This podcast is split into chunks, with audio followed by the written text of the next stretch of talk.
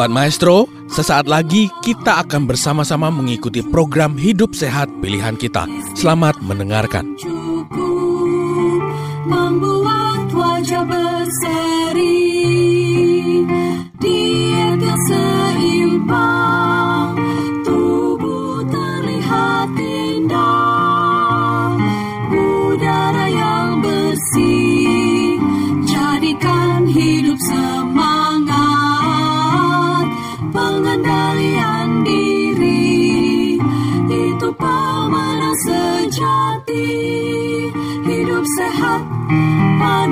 Tuhan hidup sehat sangat berharga sepuluh hukum kesehatan hidup sehat Shalom, salam sehat. Senang sekali bisa bertemu kembali dengan Bapak Ibu, saudara-saudara sekalian pada acara KKR Allah Peduli. Pada kesempatan ini kita akan kembali membicarakan tentang kesehatan tubuh kita yang Tuhan telah berikan kepada kita, kita pelihara dengan sebaik-baiknya. Terutama pada era COVID-19 ini, kita harus mempunyai imunitas yang kuat. Imunitas yang kuat yang akan menghancurkan virus COVID-19. Nah, topik kali ini kita akan berbicara tentang hydropower. Pada edisi yang pertama saya telah menyampaikan tentang pelindung kebal virus. Kita telah pelajari bagaimana sistem kekebalan tubuh kita bekerja. Ada sistem kekebalan yang bawaan, ada juga sistem kekebalan tubuh yang didapat. Yang bagian kedua, saya membicarakan tentang vitamin super, mengenai vitamin D. Sinar matahari yang begitu baik memberikan tubuh kita uh, suasana yang hangat, yang membuat tubuh kita menjadi gembira, adanya serotonin, tapi pada saat yang sama tubuh kita akan membentuk vitamin D. Bagian yang ketiga telah kita bahas mengenai sahabat-sahabat kecil yang ada di dalam usus kita. Sahabat-sahabat inilah yang membuat imunitas kita menjadi kuat. Oleh sebab itu, peliharalah para bakteri-bakteri, mikrobiota yang ada di dalam usus kita. Makanlah makanan yang baik untuk menumbuhkan bakteri-bakteri yang baik ini supaya imunitas kita menjadi kuat. Bagian yang keempat kita telah membahas mengenai hormon awet muda, yaitu hormon melatonin yang bisa didapatkan kalau kita tidur yang cukup. Dan ini bisa membuat kita menjadi lebih awet muda, kulit kita menjadi lebih bersih, lebih bercahaya, dan tubuh kita menjadi fit karena imunitas kita meningkat. Bagian yang kelima kemarin sahabat yang lalu telah saya bahas mengenai jurus sakti penangkal penyakit jurus gerakan tubuh. Gerakan tubuh kita yang akan membuat tubuh kita panas dan tubuh kita menjadi sehat, imunitas kita akan meningkat sehingga kita mampu untuk melawan berbagai penyakit termasuk penyakit COVID-19. Nah, pada kali ini kita akan khusus membicarakan mengenai hydropower. Power dari air ya, kita akan bicarakan mengenai air. Nah, ada sesuatu yang paling penting pada saat infeksi COVID-19, yaitu innate immune response, imunitas bawaan. Imunitas bawaan inilah yang akan berperan untuk memerangi virus COVID-19. Dan sel-sel yang paling utama di sini adalah sel yang namanya neutrofil dan makrofag. Dia bekerja sebagai tentara tubuh kita, dia akan langsung memakan para musuh-musuh kita. Sama seperti yang terjadi pada penyakit-penyakit corona yang terdahulu pada SARS dan MERS ya. Jadi mereka akan memakan secara spesifik semua elemen-elemen dari virus uh, dianggap sebagai suatu antigen yang asing, jadi dia akan langsung memakan dan menghancurkannya. Pada saat virus itu masuk melalui rongga hidung atau mulut, akan masuk ke dalam paru-paru kita. Nah, di dalam paru-paru kita dia akan menempel pada suatu reseptor yang namanya ACE2 ACE2. Dia menempel pada uh, reseptor tersebut dan ini akan merangsang sistem kekebalan tubuh kita yang uh, namanya imunitas bawaan atau innate immune response yang diperankan oleh interferon 1 ya jadi type 1 interferon response. Dan inilah yang akan mengaktifkan sel-sel monosit atau yang namanya juga nama lainnya adalah makrofag yang tadi tukang makan itu dan sel-sel neutrofil Nah, sel-sel neutrofil ini salah satu jenis sel darah putih, dia akan meningkatkan suhu tubuh. Jadi pada saat diaktifasi interferon 1 type uh, response ini akan suhu tubuh kita meningkat. Oleh sebab itu kalau orang kena COVID biasanya gejalanya salah satu adalah demam. Nah, kita sering menganggap demam itu sesuatu yang buruk. Demam itu harus segera diperangi, harus cepat diturunkan panasnya. Padahal sebetulnya tidak demikian. Demam itu justru bisa menyembuhkan. Nah, ini dibuktikan oleh seorang peneliti uh, namanya Dr. Julius Wagner Jorek ya.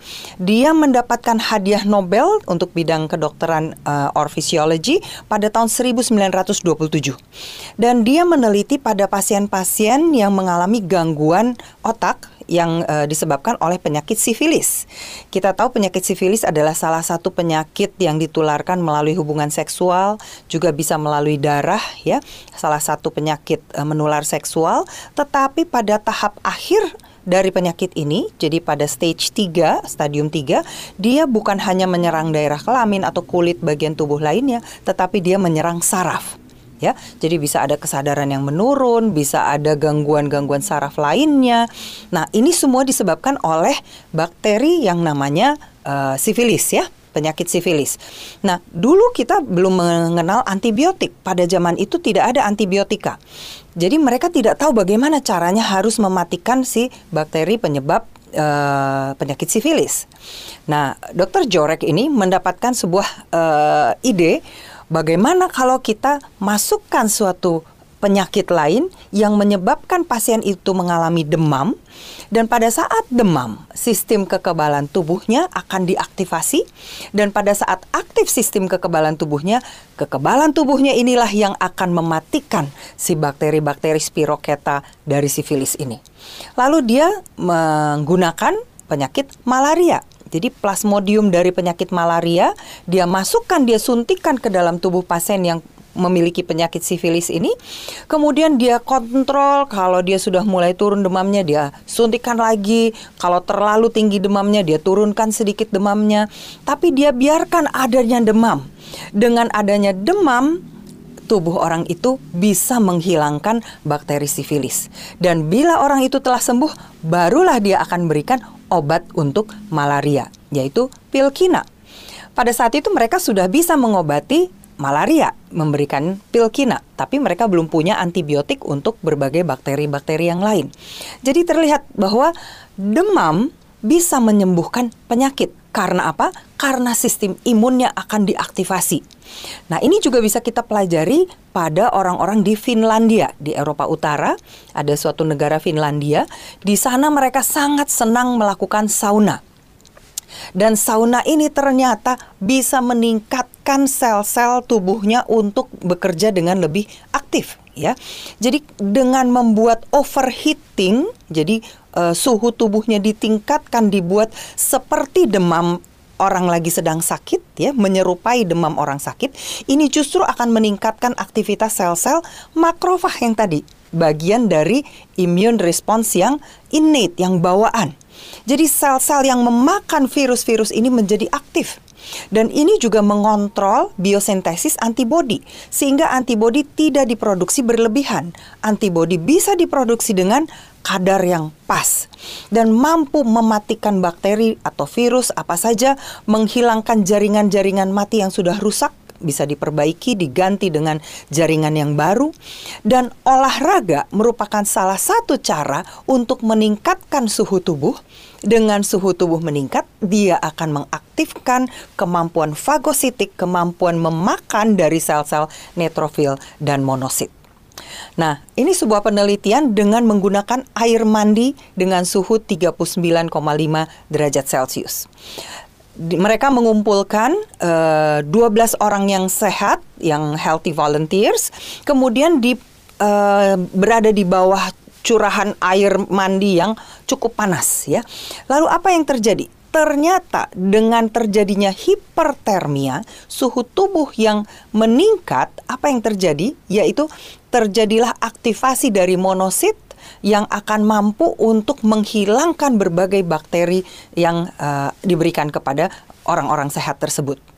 Nah, penggunaan sauna secara reguler yang rutin dilakukan ternyata bisa meningkatkan imun imunitasnya dan akan mampu untuk menangkal berbagai virus-virus seperti penyakit flu ya penyakit pilek ya common cold. Nah ini beberapa peneliti mencoba membuat dua kelompok ya di uh, ini masih di Finlandia juga. Eh, uh, 25 orang diberikan air hangat dulu, kemudian masuk ke dalam sauna. Kita tahu sauna itu uh, ada uap panas di situ, suhunya bisa sampai 95 derajat Celcius, air yang menguap di dalam sauna tersebut. Setelah itu akan dilakukan pendinginan dengan air dingin, lalu diulang dua hingga tiga kali. Jadi dia masuk lagi ke dalam sauna yang panas, keluar lagi ke tempat yang dingin, 12 menit di dalam sauna yang panas, 15 menit di tempat yang dingin, setelah itu dia beristirahat selama 20 menit. Nah, kelompok kedua, grup yang kedua tidak melakukan sauna. Nah, agak aneh ya karena di uh, Finlandia hampir semua orang melakukan sauna, ya. Nah, apa hasil dari penelitian ini? Angka kejadian flu atau pilek menurun pada kelompok yang satu, kelompok yang melakukan sauna. Sedangkan kelompok yang tidak melakukan sauna lebih banyak yang menderita flu. Jadi lebih sedikit episode flu pada kelompok yang melakukan sauna.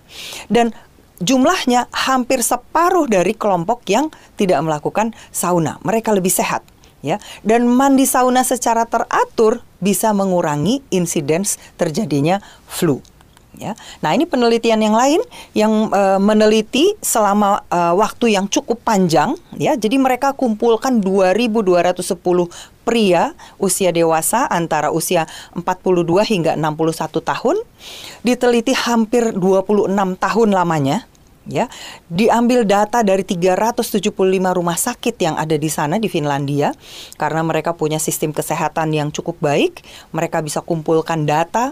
Lalu mereka mau tahu berapa banyak sih yang akan menderita penyakit pneumonia. Kita tahu penyakit pneumonia adalah penyakit radang paru-paru yang sering kali terjadi kalau ada influenza yang berat ya pada orang yang sudah punya umur uh, lebih tua sering kali kalau terjadi influenza flu bisa berlanjut menjadi pneumonia radang di paru-parunya. Nah, karena orang di Finlandia itu senang sekali untuk melakukan sauna, ya hampir tidak ada orang yang tidak melakukan sauna ya dicari orangnya betul-betul sampai mereka hanya bisa mendapatkan 12 orang yang tidak pernah melakukan sauna. Yang lain 99% masyarakat Finlandia melakukan sauna. Lalu dibandingkan yang melakukan sauna dua hingga tiga kali dalam seminggu, mereka berkurang risiko penyakit pneumonianya sebesar 30 persen. Sedangkan yang melakukannya empat kali dalam seminggu atau lebih, jadi mungkin hampir setiap hari atau lima kali dalam seminggu melakukan sauna, mereka lebih rendah angka pneumonianya sebesar 50%. Luar biasa, kita bisa lihat bahwa ternyata suhu panas bisa membuat tubuh menjadi lebih sehat bahkan penyakit yang berat seperti pneumonia bisa ditangkal. Sobat Maestro, Anda baru saja mendengarkan program Hidup Sehat Pilihan Kita.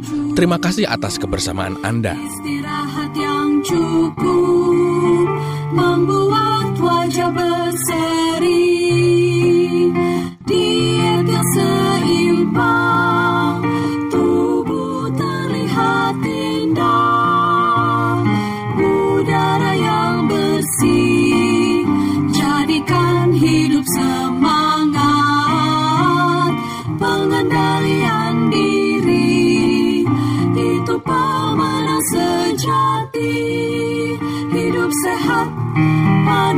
Tuhan Hidup sehat Sangat berharga Sepuluh hukum kesehatan Hidup sehat